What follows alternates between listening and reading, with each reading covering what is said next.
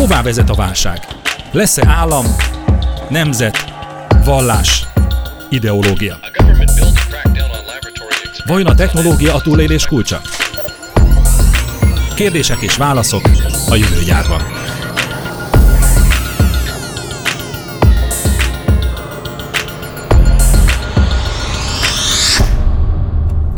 Üdvözlöm a kedves hallgatókat, ez itt a Jövőgyár. A mai műsor kicsi retrospektív jellegű, mivel egy tavaly decemberi eseményről készítettem összefoglalót, vagy mondjuk inkább olyan hangos betekintést. Miért nyúltam vissza egy több mint öt hónappal ezelőtti rendezvényhez? Ennek több oka is van. Az egyik az, hogy akkor még nem volt jövőgyár, vagyis akkor frissiben nem számolhattam be róla, viszont az ott készült anyagokat túl értékesnek tartottam ahhoz, hogy fiókban maradjanak. A másik, hogy a fölvetődő témák épp olyan aktuálisak ma, mint akkor, vagyis a pár hónap múltán sem vesztettek az elhangzott kérdések és gondolatok a relevanciájukból. Mindezek mellett azért történt egy más a közéletben, amitől a tavaly decemberi állítások sajátos fénytörést kaptak. Na de ez nem egy politikai műsor, és hogy ne rejtélyeskedjek tovább, a Transformer című fesztiválról van szó. Helyszín a Gödör Klub, időpont 2011. december 2-a és 3-a. A védegyletről szerintem mindenki, aki csak egy kicsit is érdekel, hogy mi folyik az országban, az ugrik be először, hogy az ő kezdeményezésük nyomán került Sólyom László annak idején a köztársasági elnöki székbe.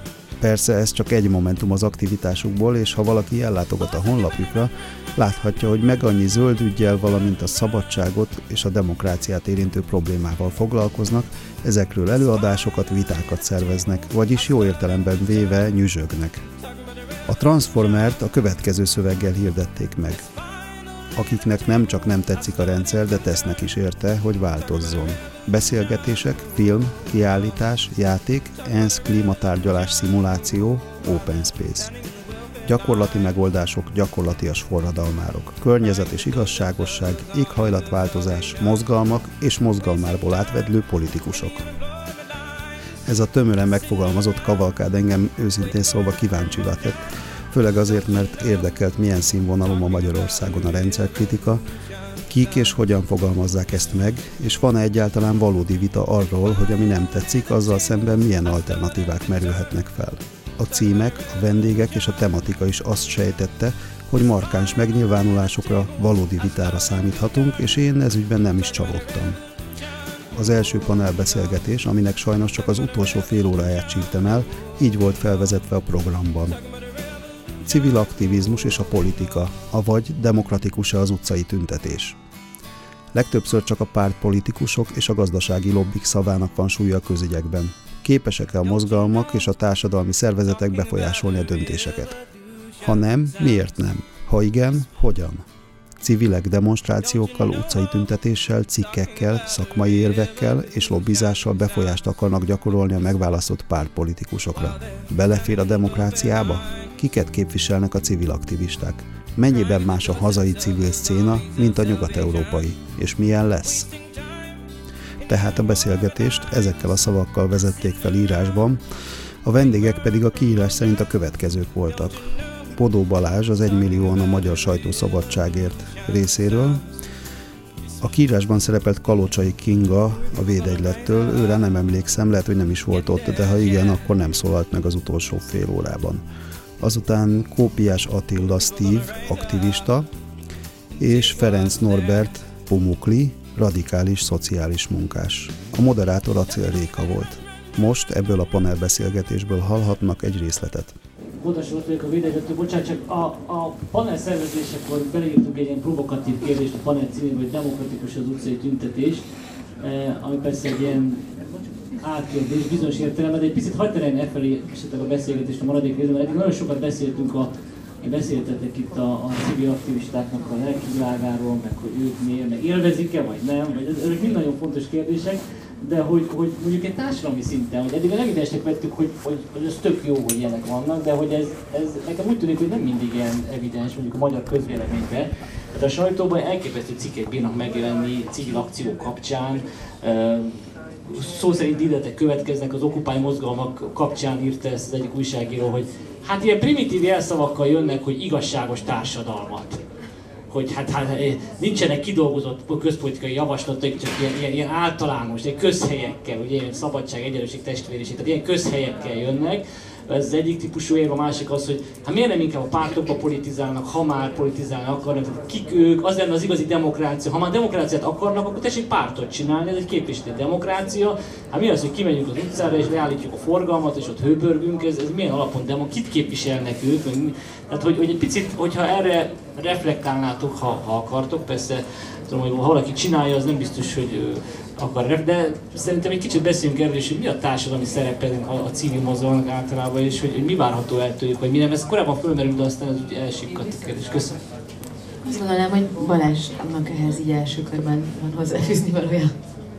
Hát én nem vagyok ennek a kérdésnek szakértő, de van róla véleményem, mint a fociról. Hogy hát, hogy, a, hogy az a magyar sajtóban mit írnak, meg hogy egyébként mások mondjuk a New York Times mit ír az Occupy Wall meg a magyar punditok mit gondolnak civil mozgalmakról, hát ott van egy, egy jelentős minőségbeli távolság a gondolatokat illetve. Én ezt is, a, jó, ha jó indulatú akarok lenni, akkor a tanulási folyamatnak tudom be, hogy egyszerűen meg kell tanulni a punditoknak is, a politikai megmondó embereknek, a nyilvánosságban megszoruló megmondó embereknek is, hogy hát ilyen állat pedig van. Tehát, hogy tényleg, mint a parasztbác, ilyen állat pedig nincsen, hát már pedig van. De hogy, a, hogy a, amit én egyébként tehát hogyha ha nagyon ki akarom érezni, akkor annyiban nekik talán igazuk van, hogy, hogy, hogy azért én két dolgot a, a, én gondolok azért. Tehát az egyik az, hogy, hogy, hogy minél, tehát, hogy minél absztraktabb dolog mellett történik a kiállás, egyrészt annál több ember kell hozzá, másrészt annál hát annál kevés, kisebb reménnyel kecsegtet a, a dolog. Tehát én a udvarias távolságtartással figyeltem a, az Occupy Wall Street mozgalmat, pontosan azért, mert azt gondoltam, hogy hát, hát egy egész világrend lecserélésének nem biztos, hogy ez a legjobb módja, hogy elfoglalunk egy, egy parkot, nem is biztos, hogy ez végrehajtható, nem is biztos, hogy ez ki van találva, nem is látom az alternatívát. Tehát, hogy ez egy nagyon absztrakt problémára adott jó vagy rossz megoldás, ezzel szemben tényleg emberek fagynak meg, meg halnak éhen a sarkon, és akkor, akkor inkább marad, hogy menjünk le a, a, az utcasarok szintjére, és a, az absztrakt uh, ideák és elképzelések uh, pedig uh, hát uh, majd kifogják magukat valahogy. Most ez a, ez a legjobb uh, megközelítésem. A másik dolog, amit, uh, amit akartam mondani, az az, hogy szerintem nem kell mindenkinek értenie mindenhez, vagy nem kell mindenkinek mindenben involváltnak lenni, hanem hogy, hogy a, és akkor ez lehet a cél, tehát hogy, hogy a, a, dem, a demokratikusságát ebben a történetben az, annak látom, és ez azt hiszem a Millának egy, egy fontos üzenete lehet, vagy egyik fontos üzenete lehet, hogy ki ki találja meg azt a, azt a tarka macskát, amiért aztán hajlandó lesz tenni vagy dolgozni, és akkor innentől nekem fölmerül egy csomó kérdés. Két kérdés konkrétan fölmerül. Az egyik az, hogy hogy azt ugye itt az internetes fájlcsere, ami az én szakterületem kapcsán újra fölteszik a kérdést, hogy hány rajongó kell ahhoz, hogy egy zenész ne halljon éhen. És akkor itt van mindenféle szám, hogy elég ezer rajongó ahhoz, hogy egy zenész az boldog, boldogan éljen, amíg meg nem hall. Ezer igazi rajongó. És ugye hány olyan ember kell, hány igaz ember kell ahhoz, hogy, hogy a hajléktalan kérdés, hogy kolontár, hogy a magyar felsőoktatás helyzet, vagy bármilyen most minket érintő kérdés, az, az, az foglalkozva legyen vele. Tehát, hogy azok az emberek, akiknek ez a szakmájuk, ez a hivatásuk, ez, a, ez az érdeklődésük, meg legyen a, a feltételek, a feltételeik meg legyenek ahhoz, hogy el tudjanak érni változást. Hány ilyen ember? És hogyha ezt konkrétan teszem föl, akkor azt gondolom, hogy egyébként pont Magyarországon pont egy ideális helyzetben vagyunk, mert Magyarországon működik egy olyan infrastruktúra, amelyik e, ilyen típusú e, kérdéseket jól tud kezelni, ez az egy százaléknak a az intézménye, hogy minden évben minden egyes állampolgárnak el kell dönteni azt, hogy mi az az egyetlen egy legfontosabb dolog, ami mellett ő a saját kis pénzét le tudja rakni, amivel meg tudja támogatni ezt az egyesületet, alapítványt, nem tudom micsoda, aki majd segít megoldani egy olyan problémát, amit fontosnak tart.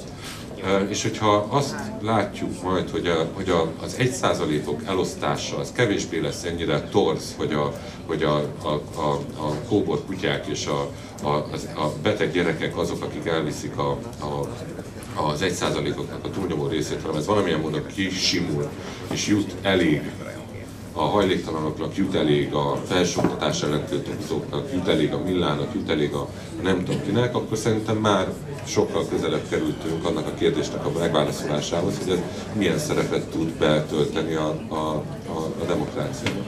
Azt a szerepet tudja betölteni, különböző infrastruktúrákon keresztül embereket tud problémákhoz és feladatokhoz rendelni.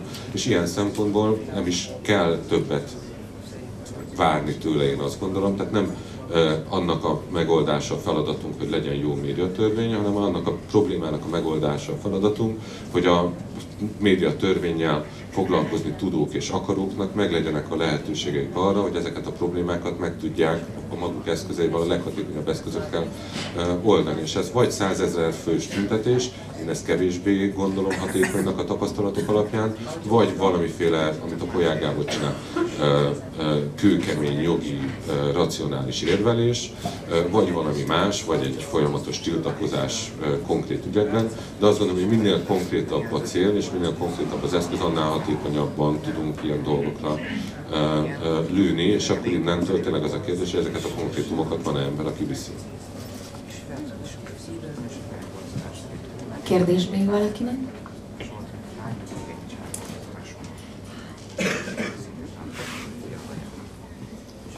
I'd like to make two comments. Két megjegyzést szeretnék megfogalmazni. I understood first uh, you were talking about reinventing the demonstration. Ha jól értettem, akkor az előbb arra utalt, hogy itt újra fel kell találnunk a, a tüntetést, mint műfajt. And it occurs to me that protesting is different from demonstrating. And I ask myself, what are we demonstrating? Azt hiszem, hogy van egy fontos különbség. Egyrészt van különbség az ellenállás és a demonstrálás között, és maga a demonstrálás az ugye bizonyítást, vagy bemutatást is jelentett, hogy mit illusztrálunk, mit bizonyítunk, mit demonstrálunk mi, amikor egyébként demonstrálunk. So we occupy Wall Street in America and we say we're protesting the rich taking the money from the poor, but we don't demonstrate any other way of behaving. So it's not really a demonstration of anything. Tehát amikor például az Occupy, Occupy uh, Wall Street mozgalom részeként tüntetünk, mondjuk a pénzünket lenyúló gazdagok ellen, akkor ezzel közlünk egy üzenetet, de nem uh, demonstrálunk egy alternatívát, nem mutatunk fel egy alternatívát, vagy egy másik életstílust. Tehát nem mutatunk fel valamit.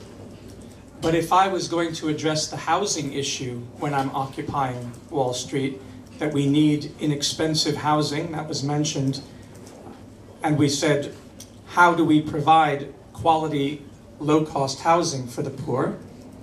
De ezzel szemben mondjuk az Occupy mozgalom részeként, én konkrétan amikor kimegyek egy tüntetésre, akkor beszélek a lakhatás kérdéséről, és nem csak a problémák mutatom fel, hanem az általam vélt megoldást. Például, amit Punukli mondott, hogy elérhető bérlakásokat vagy lakhatást kell biztosítani az embereknek, akkor I might demonstrate that if the poor were considered productive resources in a biogas economy whose use of their toilets and use of their kitchens produced the energy that the city needed in order to run itself, then government and industry would build housing so that more people would eat and go to the bathroom in those houses because they would be considered productive.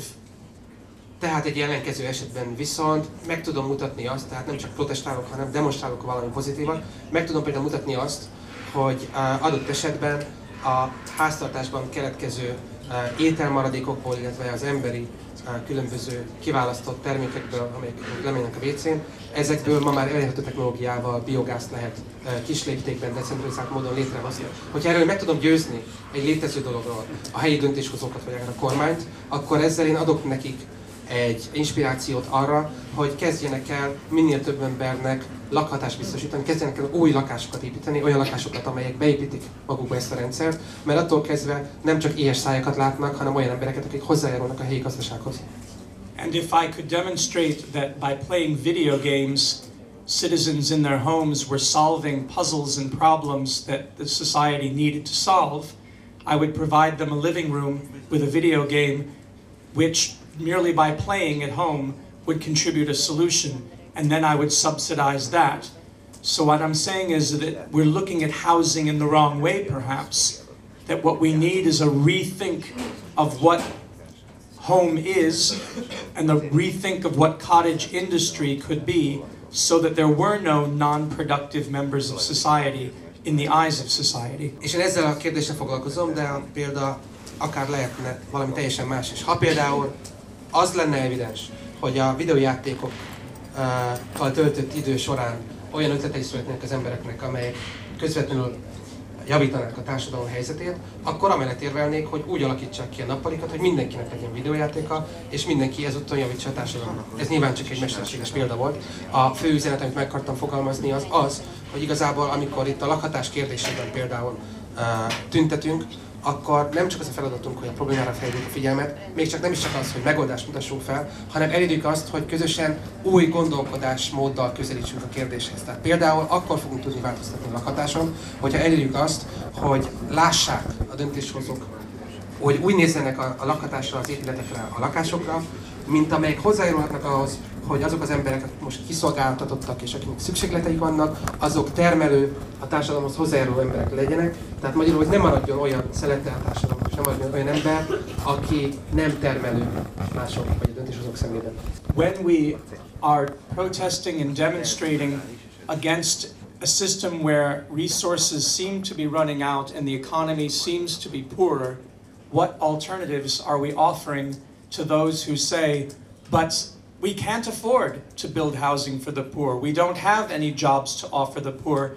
What are we asking for in our demonstration that uh, industry and government can come back and say, ah, we have a solution? És igazából a kihívás szerintem az, és ezzel kapcsolatban egy kérdéshez is el fogok kérni. A kihívás az az, hogy uh, hogyan tudjuk uh, elérni azt, hogy egy olyan világban, ahol egyre fogyatkozó erőforrásokat egyre fogyatkozó erőforrásokért küzdenek egyre szegényebb társadalmak.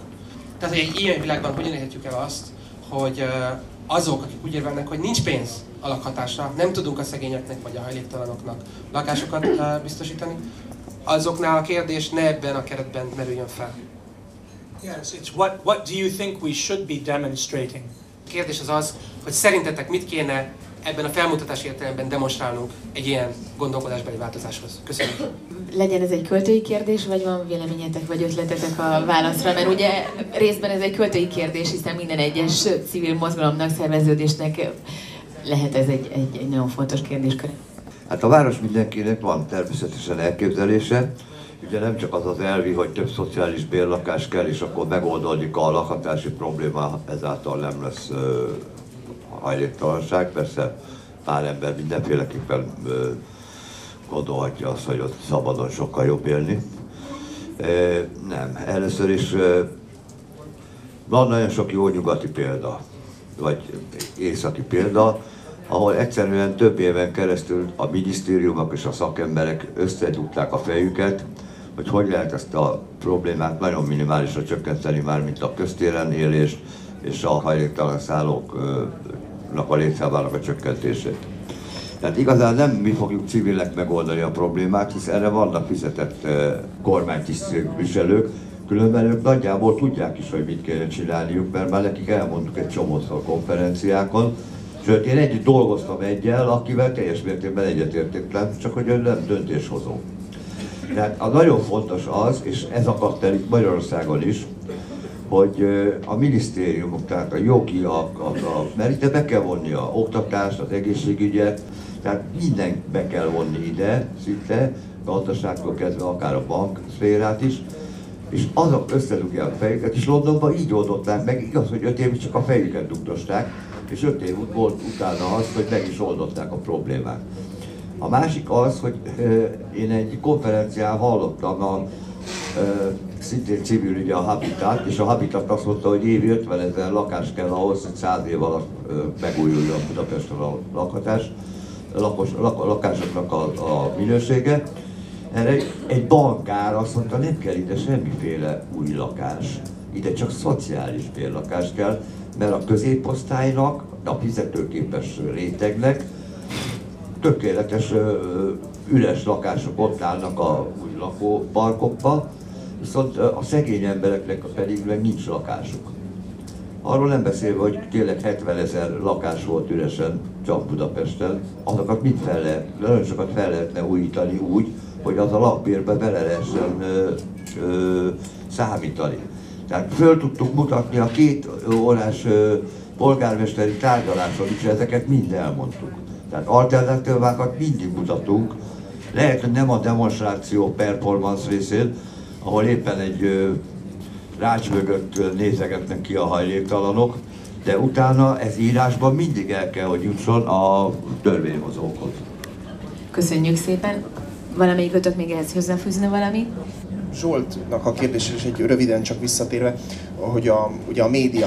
Azt gondolom, hogy, és itt üt vissza, a Gyula beszélt arról, hogy megtalálni a, a jó tehát a velünk barátságos sajtót, de hogy ilyenkor azért kiderül bizonyos ügyeknél, hogy van azért rendszerhű sajtó is, meg van rendszerkritikus sajtó is, de én hogy azt gondolom, hogy ez is, ahogy Balázs te mondtad, a tanulási folyamat, illetve egy tudatosulási folyamat, hogy ráébreszti az embert is arra, amire a, a Milla ráébredt, hogy igazából az a legjobb, hogyha a médiát is mi magunk csináljuk, mert ott is úgymond megbíztunk ö, médiafelelősöket, ö, meg nem tudom, hírolvasókat, meg szerkesztőket, akik azért valamiféle elvárás szerint ezt ugye ö, ö, interpretálják számunkra, és még szűrik is ráadásul a, a, a, a hírek információ tartalmát, tehát hogy én azt gondolom, hogy akkor valóban sikeres, vagy számomra mindig az a gyanús, amikor úgy hoznak le egy, egy demonstrációt, amikor lehúzzák, illetve kritizálják,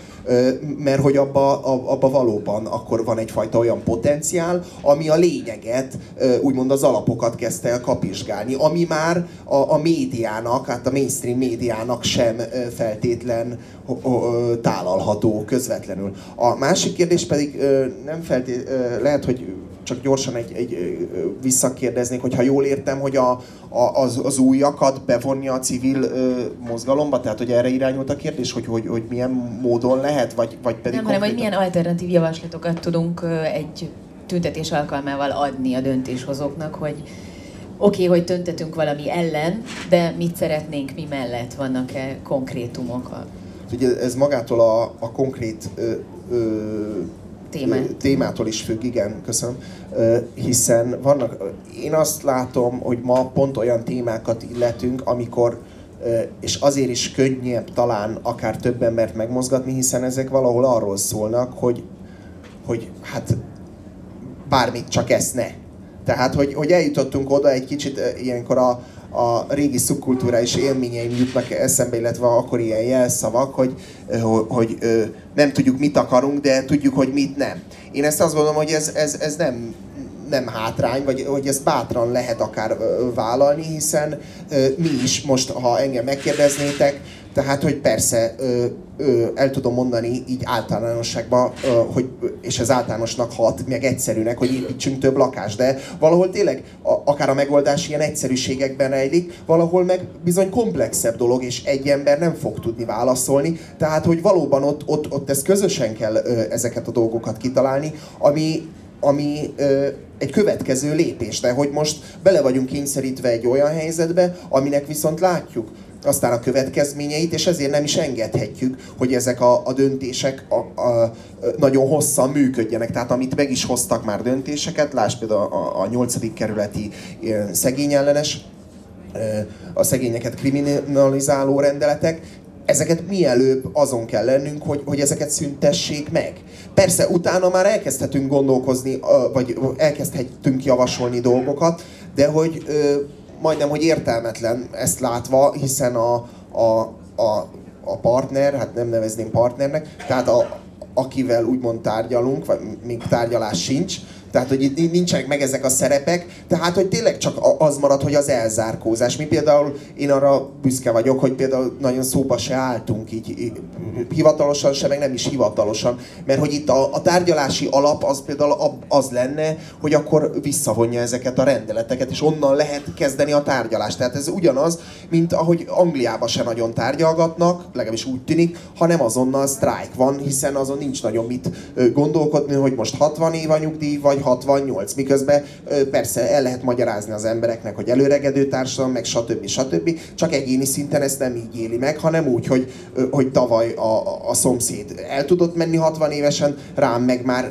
a 61 és fél év vonatkozik, vagy akár azért szerencsére nem úgy csinálják meg ezeket a rendszereket, hogy egyik napra a másikra plusz 5 év, de hogy bizony azt gondolom, hogy, hogy ezeket is mérlegelni kell, és tényleg itt, itt azt kell figyelembe venni, hogy, hogy akikkel szemben állunk, ők hogyan kommunikálnak, és ez bizony meghatározza a, a mi alapállásunkat, és a, a, a mi céljainkat is.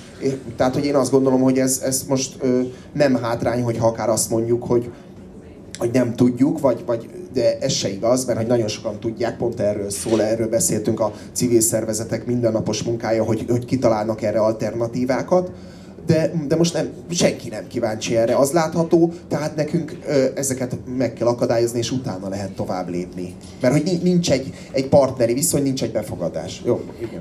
Lezáresként még Balázs mond néhány szót, és utána befejezzük a beszélgetést. A Nekem nagyon tetszik ez a distinkció a, a tüntetés és a demonstráció között, vagy a, a protestálás és a demonstráció között. És nekem van egy olyan gyanúm, de ez csak a saját elképzelésem ebben a történetben, hogy, hogy hát demonstrálni nem az utcán kell. De protestálni az utcán lehet, de demonstrálni nem az utcán demonstrál az ember, meg nem a parkban, hanem minden egyes áldott percében, amit él.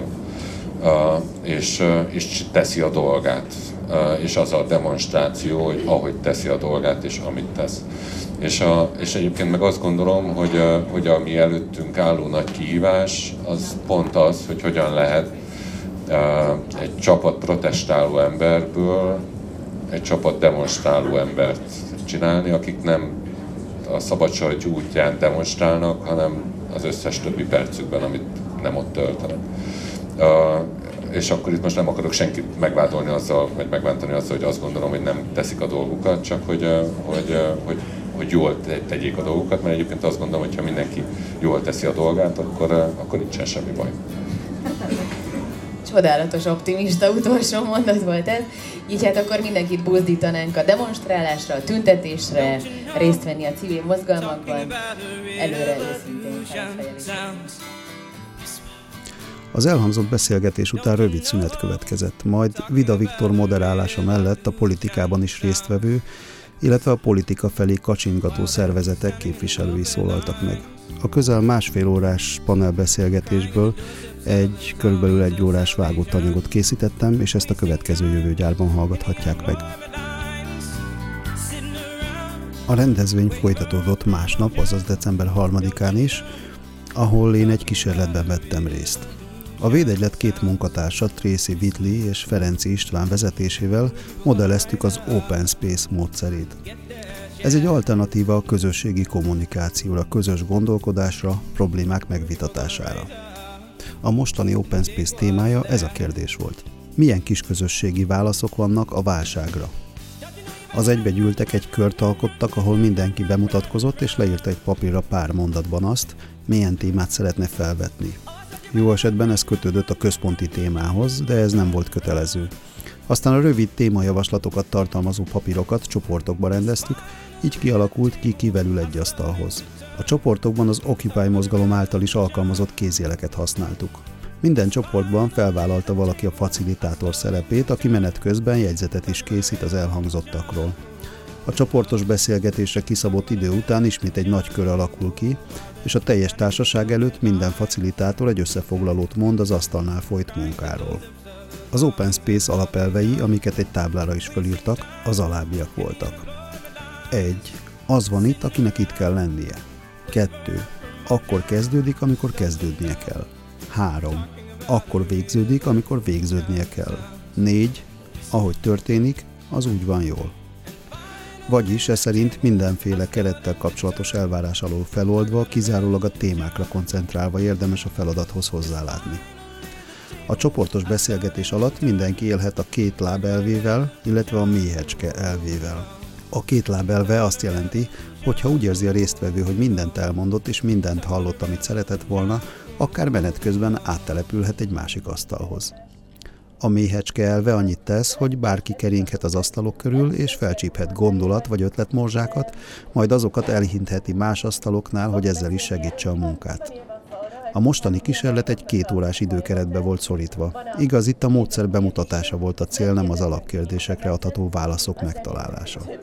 Az esemény után sikerült egy interjú erejéig elragadnom Tracy-t, hogy beszélgessünk az Open Space-ről, a kis helyi közösségekről, és persze őróla is. Védetlen munkatárs vagyok, de nem fizetett munkatárs. Én egyik um, szervezőbizottság tag vagyok, az jelenti, hogy én is felelős vagyok a védetlennek a működésének, meg a, a stratégiának. Um, az én munkám mostanában a védetleten belül um, még kapcsolódik a klímaváltozás köréhez, és egy, de egyre jobban ahhoz, hogy egy kis közösség, elsősorban egy lakóközösség, milyen lehetőségek vannak nekik őre önszerveződni a válságok miatt. Ezért most a védetletnek nyilván, mint minden szervezet, nagyon nehéz ezek a nagyon változó időkben őre, meg őre, meg őre átgondolni, hogy pontosan milyen irányban szeretne mutatni az ő munkájukban, milyen témát tud felvállalni, um, milyen stratégiák vannak, ami mentén a céleinket fogunk elérni. Az egyik az, ami nagyon régóta védetlennek egyik um, komolyabb témaköre, ez a demokrácia kérdés. És ez a, az itt látjunk egy lehetőséget szerintem, hogy, hogy itt sok szempontból ez a tér, amiben együtt tudunk gondolkodni, tudunk gazdaságilag működni, tudunk közösségként lehetőségeket nyitni egymásnak, meg együtt működni. Ez sok szempontból ez egyre kisebb, szűkül, de ezeknek a, a válságok miatt egyre nagyobb a szükség erre, hogy, hogy próbálunk egymással kommunikálni, próbáljuk érteni egymás problémákat, probáljuk együtt kitalálni, hogyan tudunk segíteni egymást jobban élni, jobban átélni, és jobban túlélni ezek a mostani problémákat. Uh-huh. Ezek a válságok, nem tudom, ez, ez kinek mit jelent, mert nyilván van gazdasági helyzet, van a, ezek a nagyon hosszú távú, nagyon nehézen definiálható problémák, mint a klímaváltozás. Tudod, mi szinten ez egy válságként egyre jobban megjelenik, egyre több ember életében. Nyilván itt nézünk a saját kis országunkban, hogy ez mit jelent, de a tévét szokott hozni nekünk közelebb, távoli, távolabbi országokat, és látjunk, hogy nekik ez a klímaváltozás, klímaváltozás a árvízek, a szélsőséges időjárások, az élelmiszer hiányok, a víz hiányok, ez egy, ez egy napi kérdés. Mi nem szeretnénk ott tartani. Tudjuk, hogy Magyarországon igen, szinten van óriási nagy problémák, ami a klímaváltozásra um, hogy mondják, de a klímaváltozásra lehet magyarázni. Szeretnénk már kisebb közösségekben is gondolkodni, hogy milyen önsegítő módszerek vannak, amivel tudunk ezeket enyhíteni. És ugyanakkor egy kicsi ez az alkalmazkodásról hoznék ezt a szót, amit uh-huh. szoktunk használni a klímapolitikában. Próbáljunk találni a, a könnyebb utakat magunknak, családoknak, közösségeinknek. Ez az Open Space módszer, ez kvázi ebből áll, hogy van egy kiinduló kérdés, uh-huh. és mivel az emberek, akik ide jöttek, elsősorban a kérdés miatt jöttek ide, kerestek választ erre, keresnek választ arra, hogy egy kis közösség, lakóközösség mit tud, hogyan tud segíteni magát a Igen. Válságok idején mondják. Honnan ered a módszer? Van egy hivatalos válasz erre, hogy, hogy honnan jött a módszer. A módszer onnan jött, hogy egy, egy bizonyos konferencia szervező észrevette, hogy rengeteg pénzt költ erre, hogy így gyönyörű nagy konferenciákat megszervez. És akkor ott beül a közösség, föláll az ember, elmondja a tudását, a közösség tapsol, kimegy a folyosóba, és itt óriási nagy energia van a folyosón, mert mindenki akar valamiről beszélgetni, mindenkinek van a saját ügye, miért van ott, a saját dolog, amivel foglalkozik, és ő azon gondolkodott, hogy itt hogyan tudná gyakorlatilag az a folyosót bevinni a konferencia terembe. És azért jött ez az ötlet, hogy nem meghirdetni egy, egy szünetet, hogy az emberek tudnak beszélgetni, hanem meghirdetni egy témát, és aztán egy bizonyos módszerrel az embereknek adni lehetőséget önszerveződni. Én azért jöttem, mert érdekes ez a téma. Például, ha ez mondjuk Magyarországon szeretnék látni élelmiszer önrendelkezés. Jó, én városi kertekkel foglalkozok. Én ezt szeretnék tudni, ki van itt, aki ezzel foglalkozik, és lehet, hogy tudunk kis eszmét cserét, tudod, így folytatni ezzel kapcsán. És akkor ez szokott lenni, hogy egy hosszabb beszélgetés van, mint mi volt nekünk a mai nap. Mondjuk egy open spaces mondják, hogy legalább egy napra kéne meghirdetni. Igen. És ez egy nagyon hosszú folyosói beszélgetés gyakorlatilag. De ezért az jelenti, hogy több terünk van, vagy több sarok van egy nagyobb teremben, és az emberek tudod, az adott, adottságok alapján megszerveződnek.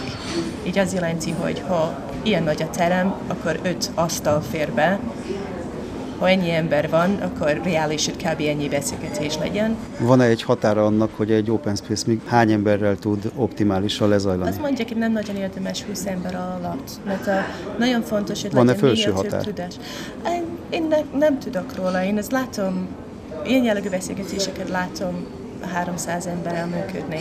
De szerintem, ha valaki szeretne ezzel kísérletezni, akkor sokkal jobb, kisebb számokban gondolkodni, és így, így ahogy megy az idő, és megy a tapasztalat, uh-huh. és az emberek kezdenek érteni ezeket a szokásokat, ami megy ilyen jellegű beszélgetése, um, akkor akkor lehet több emberben gondolkodni. Uh-huh. Ezért szerintem ez az érdekes ezzel a módszerrel egyébként, mert nekem nagyon fontos, hogy a védetleten belül kezdjünk kísérletezni ezekkel a módszerekkel, uh-huh. ami kevésbé a, a szakértői tudásra épül, és inkább az, hogy az embereket ez, hát mindig ez minden emberben meglévő tudást kihúzni, és a közös uh-huh. javára tenni. Tehát ez ilyen Szerintem a szüret szót hoználtunk. Uh-huh, mhm, szüret, vissza, igen, igen. Visszahozunk a tudást, és így ebből boldogulunk.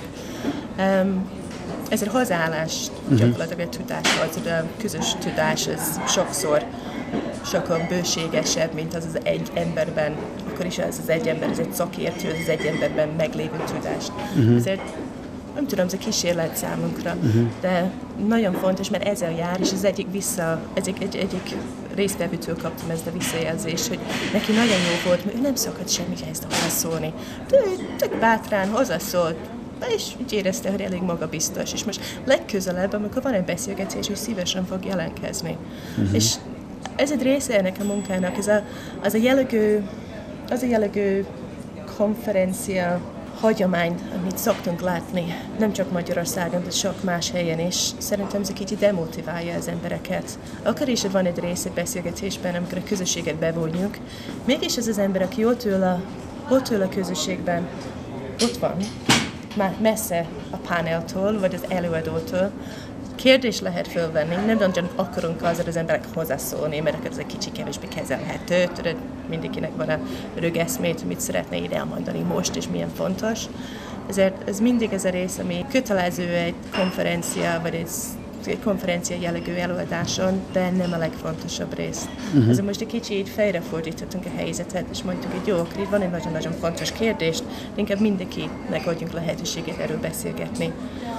Vannak helyzetek, amikor ez hasznos úgy csinálni, vannak helyzetek, amikor lehet, hogy tényleg a szakértőkre számítjunk, hogy nagyon szeretnék el hallani, ami neki gondolom valószínűleg ilyen több éves tudást, kutatás, tapasztalat alapján tudod, így sikerült így megtudni, és így szeretne továbbadni. Ez nagyon fontos, de szerintem egy, egy nézzünk meg egy kicsit a mérlegen, hogy itt hol is van a, a lehetősége a többi tudásnak, a becsatornázásnak. Ez egy lehetőség például ilyen módszerekkel. Most eltekintve a helyi adottságoktól, ha most 300 ember jött volna ide, akkor, akkor is ugyanekkor kis csoportok alakultak volna? Tehát a pici csoportnak, akik az egyes témakörök köré csoportosulnak, nekik mi az optimális számuk, tehát mennyi embert érdemes egy téma kibontására, végigtárgyalására leültetni?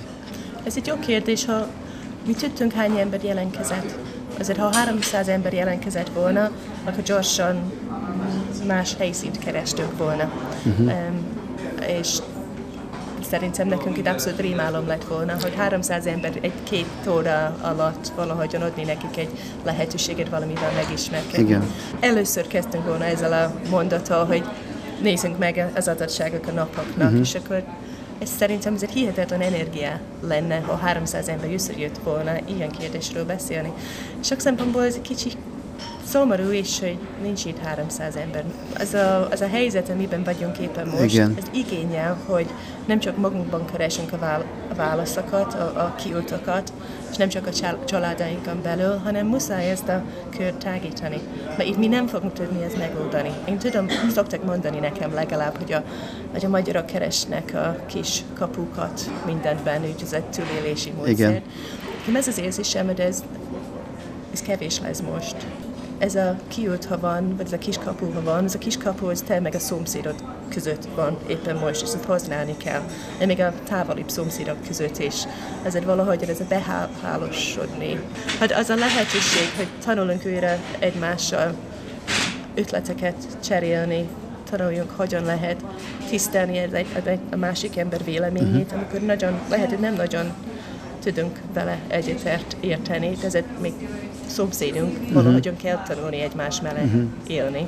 Ezért ha ilyen hagyományokat tudunk fejleszteni, kifejleszteni, vagy tovább erősíteni, amiben van egy nyugat környék, egy szomszédságban, uh-huh. ahol az emberek tudnak nagyon életbevágó kérdésekről beszélgetni, hogy mi lesz, hogyan tudok, nekem van egy kertem, hogyan fogok tudni ezt a kertet lócsolni. Az én vízem most már 880 forint egy köbméter. Most augusztus óta nincs, nincs eső. De ha én akarok ezt a kertet lócsolni, és nekem konyha kertem van, akkor mit fognak mondani a szomszédok? Meg közös csapunk van a kertben. De ezért, ez egy nagyon egyszerű kis példa, de ez, ez nagyon jó lenne, ha lenne olyan kialakult vita hagyomány, amiben uh-huh. nem fogok félni föltenni nekik ezt a kérdést. Nem fogok keresni a kis kiültetőt, uh-huh. hogy csak kihozom a vödörben a vizet a kertből a saját csapomból. Ezért érted, mire Igen, igen, igen. Itt nehéz helyzetben vagyunk, mert nincsen ezek a hagyományok. Tartottál már ilyen, ilyen open space workshopot más nemzetiségű embereknek külföldön, Magyarországon kívül? Igen, de egy tréning keretében, ez egy kicsi más jellegű volt, mert nyilván az emberek, akik ott voltak, azért voltak ott, hogy kísérletezünk több, mm. több módszerekkel. El lehet mondani, hogy hol volt ez? Ez most Franciaországban volt nemrég, mert az mm-hmm. egyik dolog, amivel hogy beszélünk ezekről a dolgokról, hogy szeretnénk erősíteni ezeket a közösségeket, aki uh-huh. azért, mert elsősorban klímaváltozásról, a pénzügyi helyzetről, a, környezetünkről, tehát mi, mi ezzel, ezzel foglalkozunk, az a, az a szívügyünk, hogy nem, nem, nem romlonjon el minden, ami körülöttünk van, és legyen az, ami például az én fiam, akkor felnő, akkor ezt szeretnék, hogy visszafele néz, és azt gondolja, hogy jó, akkor itt legalább a legjobbat próbáltak. Nem csak néztek és mondtak, hogy hát igen, sok baj van, de ezzel próbáltak valamit uh-huh. csinálni vele.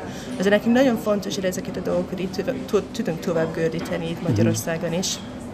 És az jelenti, hogy most januártól próbálunk egy, egy módszerrel kísérletezni itt Magyarországon. Ez az átalakuló városok módszere, ami nagyon a, helyi közösségek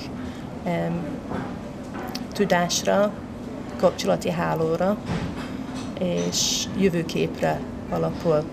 Így, hogy mi, ha tudjunk, mit akarunk, mint egy kis közösség, ha tudunk egy kis közösséget lelkesíteni, és hát, hát mondjuk a saját életet egy kicsit így új lábakra uh-huh. elhelyezik. Például az, hogy nem veszünk élelmiszeret Tesco-ban, de azon gondolkodjunk, hogy jó, akkor kertünk uh-huh. van, kis piacunk van, van kis termelők, akik nem olyan messzere vannak innen. Uh-huh. Hogyan tudunk ezt így mind idehozni, hogy nekünk, mint kis hogy helyi emberek, így van nekünk hogy ilyen kicsi stabilitást abban, ahol uh-huh. honnan jön a kajánk. Um, hogy mi szeretnénk látni, hogy az emberek így jobban tudnak foglalkozni ezekkel a kérdésekkel, és most már januártól ezekkel a módszerekkel fogunk próbálni kísérletezni. Mi csak az jelenti, hogy ilyen tréningeket fogunk tartani közösségi aktivistáknak. Ez Hasonló módszer, tehát ugye ez az Open Space ez egy Open keret? Space egyébként ez egy az átalakuló városoknak egyik módszere. Az szokott lenni, hogy egy, egy bizonyos közösségen belül, mondjuk, az, mondjuk telep, nekünk a uh-huh. telep az a, az otthonunk, mi ott élünk, um, amikor azt mondjuk, mi, a én meg a párom, meg a fiam, és ott ezekkel a módszerekkel most már három éven keresztül kicsit kísérletezünk. Uh-huh. És az egyik az, hogy, hogy ha akarunk foglalkozni ezekkel a nagy ügyekkel, ezek a válság alatt érthető ügyekkel, hogy mi van a pénzzel, a pénz mit jelent nekünk, mi van a, a lakhelyünkkel, ez mit jelent, amikor olyan a lakásban élsz, ahol nincs szigetelés, nagyon drágák számlák, meg ilyesmi. Mi van az élelmiszerünkkel? Mi van az emberek közötti kommunikációval? Tehát itt, itt millió ilyen kérdés van egy kis közösségen belül. Um, de azért lehet, hogy az emberek nem tudnak ez összekapcsolódtatni a klímaváltozással, vagy a pénzügyi válsággal, vagy a hitelekkel, vagy egy millió ilyen dolgokkal. Vekerlén ez már egy működő közösség? A Vekelejben régóta van még működő közösség, több Mekkora, közösségből áll mekkora közösség ez, amiben Em, te dolgozol? Megszerveztünk egyet tavaly elején. A, a, a, tudom, mit csinálunk ott Vekelén, ez a Vekeli Társaskör Egyesületének egyik programja. Mi van egy zöld hajtás klub a, az jelenti, hogy mi viszünk a zöld ügyet, mi tágasan értelmezünk, hogy mi az, ami zöld. Um, és az egyik dolog, ami ott csináltunk Vekerlén, annak a közösségnek, ami ott tartozik a társaskörhez, hogy összehoztunk az embereket, kb. 40-45 ember volt, és egy napon keresztül megnéztünk, hogy milyen, milyen a, a társaskörnek a munkája, milyen, mi az, ami fontos Vekerlén, milyen új dolgokkal kellene foglalkozni, és a nap végére ilyen munkacsoportokat kezdtünk így kialakítani. Ilyen Vannak-e új olyan falak, amiben beleütköztök a helyi vezetéssel szemben? Tehát lehet, lehet-e, hogy valami olyat gondoltok ti, amit a közösségben meg szeretnétek valósítani, aminek akár az önkormányzat, vagy más hatóságok határt szabnak? Szerintem nekem egy óriási tanulási folyamat volt az, amit csinálunk Beckerlén, és Ebben én, én nagyon régóta dolgozok civil szervezetekkel, és nagyon régóta dolgozok mozgalmakkal. Ezért nekem gyakorlatilag a szomszédaimmal kezdeni egy mozgalmi kapcsolatot kiépíteni, ez nekem újdonság volt. És akkor én 15 éve lakom Beckerlén, és úgy döntöttem, hogy ha én akarok többet csinálni ott, mint mi addig csináltam, mert sok éven keresztül tudod, Vekele napon én kiraktam egy standot, és a tudatos vásárlásról beszélgettünk, vagy valamit. Régen a kis Manu klubot szerveztem a helyi kis mamáknak, amikor fiatal volt a fiam, de ha akarok többet csinálni, akkor nagyon fontos, hogy, hogy figyelembe veszünk az, mi már ott van.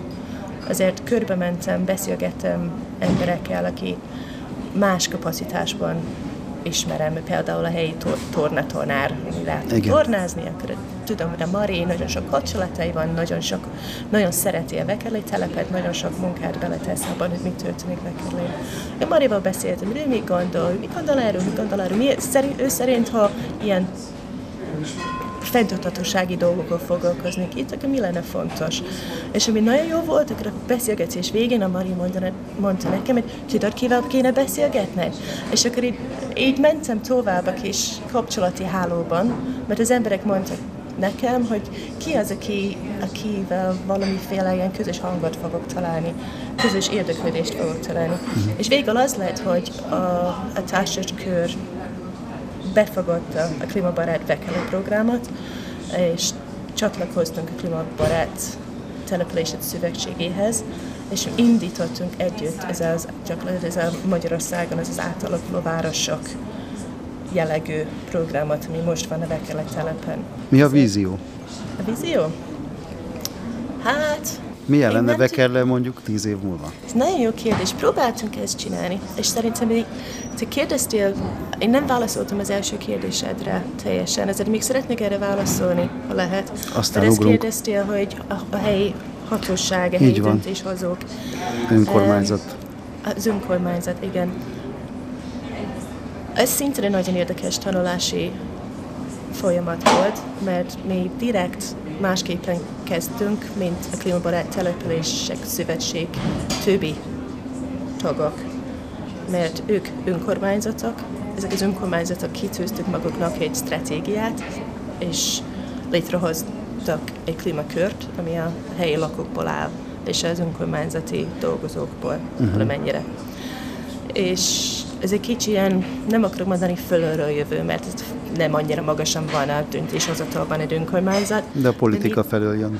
a politika felől jön, igen. Mi úgy döntöttük, hogy másképpen csináljuk. Mi úgy csináljuk, hogy mi helyi lakóként szervezünk magunkat.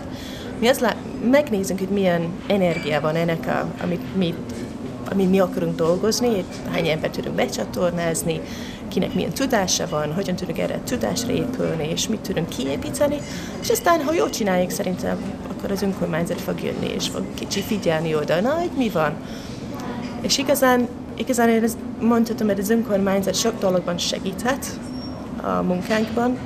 Mi elég pozitív volt a hozzáállásuk a különböző programainkhoz, mi például a, a szigetelési program, vagy a, a térfelújítások, mindig bevonjuk a, a, a lakókat a térfelújítási uh-huh. programokban, ilyen együtt gondolkodásba.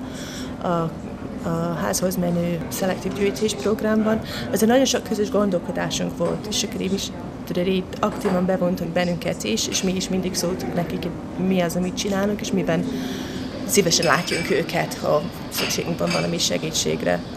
Um, nagyon lassú az önkormányzatnak a működése. Azért azt látunk, hogy amit mi tudunk csinálni, a helyi erőkre épülve, és lehet ez egy kicsit gyorsabb, mint ami történne, ha az önkormányzatnál kezdeményeznénk valamit. Nem feltétlenül azért, mert az önkormányzat és a döntéshozók, hanem azért, mert az önkormányzaton belül van egy néhány ember, aki sokkal tágasabb a gondolkodásuk, nem, nem olyan hagyományos politikusok, és vannak emberek az adminisztrációban, aki, aki Például egy, mondom egy példát, anélkül, hogy elmondom a nevet. Nekem egy nagyon nagy élmény volt, hogy beszéltem többször egy bizonyos emberrel, aki ott van a, a mi önkormányzatunk um, adminisztrációban, egy elég jó pozícióban, és elég sok dolgot tud elérni azzal a pozícióval, amiben dolgozik. És többször beszélgetünk, mindig kicsi hogy mondják, nekem van az én dolgom, amit akarok elérni, neki van az, ami kell szabni a határokat. És így egyszerűen kezdünk egy kicsit beszélgetni a klímaváltozásról, és arról is, hogy, be, hogy egy civil szervezetnél dolgozok, és teljesen abszolút nyitott, sokkal-sokkal nyitottabb lett. Onnantól kezdve, hogy kiléptünk ebből a szerep, szerepből, hogy ő az önkormányzati dolgozó, én vagyok egy civil, aki ott van azért, mert akarok valami, és az emberi kapcsolat kezdett kicsit jobban működni az érdeklődésünk miatt, mert mindkettőnk féltünk a jövő a klímaváltozás miatt, akkor sokkal-sokkal jobban tudtunk dolgozni együtt. És nem mondom, hogy ezt a helyzetet lehet általánosítani. Lehet, tök jó lenne, ha minden önkormányzatban lenne több ember, aki ilyen nyitottsággal rendelkeznek, de szerintem a civileknek egyik dolog, dolga, főleg ha kisebb közösségben dolgozol, ez így megtalálni ezeket az embereket. Szerintem mi nem tudunk annyira jól nyomást gyakorolni. Mi nem.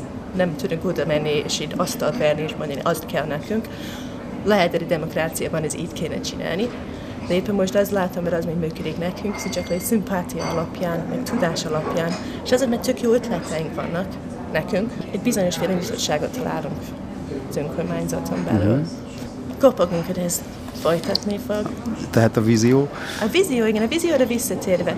Hát nem tudok mondani, hogy van víziónk. Az, hogy vannak dolgok, amit szeretnék elérni, ezek mind szerintem részfeladatok.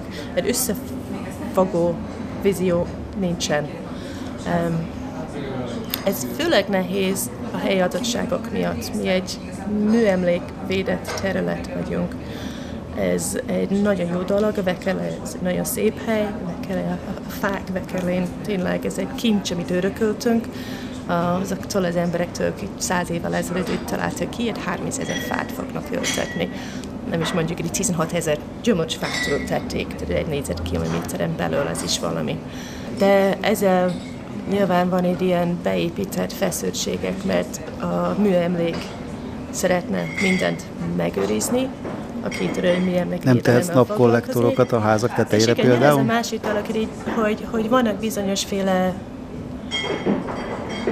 hogy mondjuk korlátok, amivel ütközünk. De én nem mondom, hogy hogy nem megoldható ez a helyzet. Most már ezzel is foglalkozunk, hogy együtt dolgozunk telepen a helyi építészekkel, és együtt kidolgozunk, már ki is dolgoztunk egyébként egy bizonyos féle javaslat, amit most tesztelünk a, a helyi lakókkal, hogy milyen jellegű felújítások, energiahatékonysági felújításokat lehetne végezni a Bekele telepen belül, ami megfelel a műemlékvédelemnek, és megfelel igazán a, a, az az egyre sürgesebb energiahatékonysági um, célkitűzéseknek. Ha csinálsz egy mérleget, hogy mondjuk 100 egység, 100 százalék amit civil kérdésekre fordítasz, ebből hány százalék vekerlei, lokális, és hány százalék, ami nagyobb közösségi problémákkal foglalkozik? Most kb. 60% a vekerle, és 40 a többi dologra. Igen. de az a jó helyzet Vekerlén, hogy egyre többen vannak, akik vállalnak felelősséget annak, ami, ami ott csinálunk. Egyre több ember van, aki egy, egy érdeklődéssel jönnek oda, uh-huh. és mhm. kezdenek bekapcsolódni a munkánkban, egyre bátrább, és egy idő után ők átvesznek valamit egy területet, például uh-huh. a mhm. szigetelési programot. Vagy Más kerületek nem érdeklődnek a módszereitek, vagy a munkátok iránt? Um, összekapcsolódtunk több kis közösségi kezdeményezéssel. Szerintem mi nem vagyok, hogy mondja, annyira jól ismert annak, amit csinálunk. Nagyon sokat tanultunk, érdekes lenne ezt a tanulást átadni másoknak, és megnézni ez a tapasztalat, mi van nekik. De például most már van egy közös gondolkodás a kecskemétiekkel, ott van a mozgalom az átalakuló kecskemétért, és a Gödölőben van a Klimaklub, velük együtt dolgozunk, gondolkodunk, még, ha jól tudom, itt még Székesfehérvártól itt volt egy fiatal nő, ők is akarnak hasonló dolgot csinálni. Dabassan szintén ott érdeklődnek, és akarnak tudni kicsit itt ezek a módszerekről, meg, meg az, amit működik máshol, működhet Magyarországon. Igen. És akkor ilyen közös gondolkodás van. Igen. Hát itt több helyen ide elmondtuk nekik, hogy mit csináltuk. Be is mutattuk ilyen részleteket a programainkból, például a szigetelési programot Igen. több helyen bemutatunk, Pesten, Timrén, meg Gödöllőn például. És ez ennek nagyon örülünk. Te hol születtél? Én Skót vagyok. És mikor kerültél Magyarországra? 18 évvel ezelőtt. És magánéleti okokból? Um, nem, igazán nem, kíváncsiságból elsősorban szándékosan ide jöttél, vagy pedig itt ragadtál valami Szándékosan itt voltam a környéken, Közép-Európára jöttem kicsi körülnézni, és amikor itt az volt a szándékom, hogy tovább megyek, de aztán itt leragadtam. Merre lett volna tovább? Törökországba. Dolgozni, tanulni? Hát nem emlékszem most már. Nagyon szépen köszönöm. Eddig tartott a mai jövőgyár. Két hét múlva továbbra is a Transformer Fesztivállal foglalkozunk, ahol Vida Viktor vezetésével a második panelbeszélgetésből mutatunk be egy részletet. Itt a politika felé kacsingató, illetve a politikába már bekerült egykori aktivisták beszélgetését hallhatjuk. Képviselteti magát az LMP, a 4K és a Szolidaritás szervezete. További jó civil rádió hallgatást, és hallgassák továbbra is a jövőgyárat két hetenként szerdán este 8 órakor.